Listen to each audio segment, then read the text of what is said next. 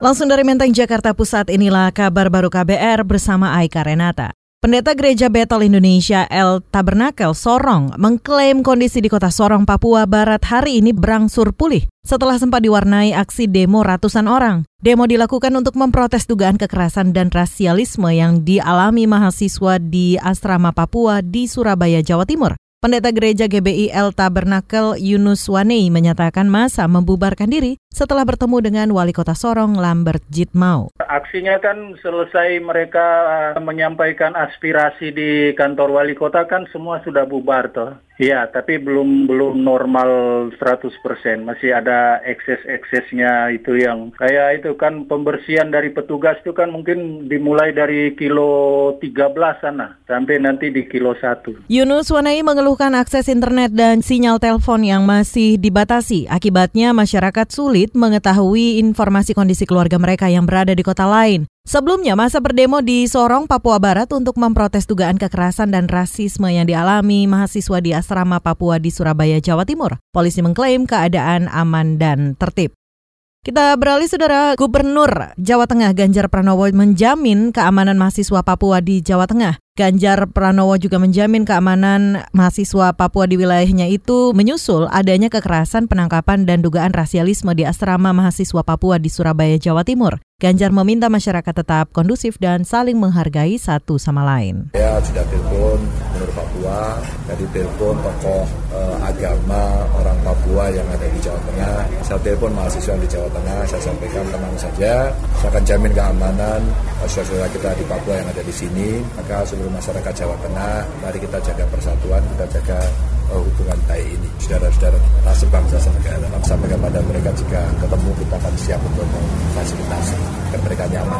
Banyak di antara mereka lagi sekolah di sini. Gubernur Jawa Tengah Ganjar Pranowo juga meminta masyarakat tetap menahan diri dan tidak terprovokasi hal yang akan merusak persatuan dan kesatuan. Ia berharap kasus kekerasan dan kerusuhan beberapa waktu lalu bisa jadi pelajaran. Semuanya kata dia harus menjaga tutur kata dan toleransi dengan sesama.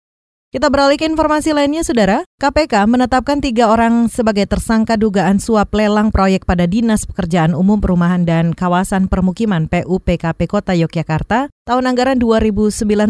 Wakil Ketua KPK Alexander Marwata menyebut dua orang tersangka itu diduga sebagai penerima, yakni Jaksa di Kejaksaan Negeri Surakarta, anggota TP4D Eka Safira, Jaksa di Kejaksaan Negeri Surakarta Satriawan Sulaksono, dan KPK menyita barang bukti uang senilai 100 juta rupiah lebih yang diduga penerimaan ketiga dalam perkara tersebut. KPK meningkatkan status penanganan perkara kepenyidikan dan menetapkan tiga orang sebagai tersangka, yaitu sebagai pemberi GYA, Direktur Utama PT MAM, sebagai penerima ESR, Jaksa di Kejaksaan Negeri Yogyakarta, anggota TP4D, dan SSL, Jaksa di Kejaksaan Negeri Surakarta. Pasal yang disangkakan adalah sebagai pihak yang diduga menerima ESR dan Alexander Marwata juga menyatakan perkara ini bermula pada tahun anggaran 2019 saat Dinas PU Kota Yogyakarta melelang proyek rehabilitasi saluran air hujan di Jalan Supomo Yogyakarta senilai 10 miliar rupiah lebih. Proyek itu dikawal tim pengawal pengaman pemerintah dan pembangunan daerah TP4D dari Kejaksaan Negeri Jogja. Salah satu anggota tim TP4D adalah Eka, jaksa di Kejaksaan Negeri Yogyakarta. Eka memiliki kenalan sesama jaksa di Kejaksaan Negeri Surakarta, Satriawan. Ia kemudian mengenalkan Eka kepada Gabriela, Direktur Utama PT Manira Arta Rama Mandiri, pihak yang akan mengikuti lelang proyek di Dinas PUPKP. Hingga akhirnya perusahaan Gabriela tidak bisa memenuhi syarat dan memenangkan lelang. Mereka dijerat Undang-Undang Tindak Pidana Korupsi. Kita ke satu informasi lainnya, DPR hari ini mengesahkan rancangan undang-undang tentang pertanggungjawaban atas pelaksanaan atau RUU P2 APBN 2018.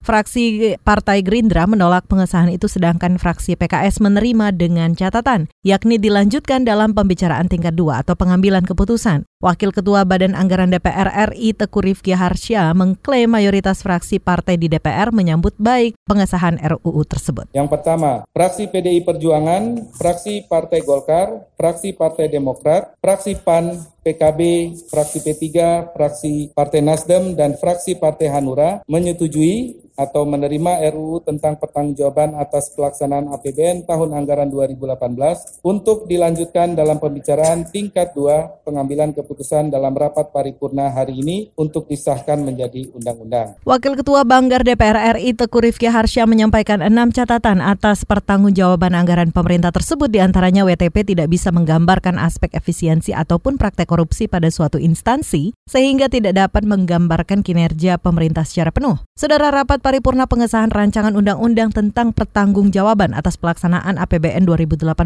dipimpin Wakil Ketua DPR Fadli Zon. Rapat dihadiri 292 anggota dewan dari 10 fraksi partai. Pada pengesahan RUU hari ini Menteri Keuangan Sri Mulyani beserta jajarannya juga turut hadir dalam acara tersebut.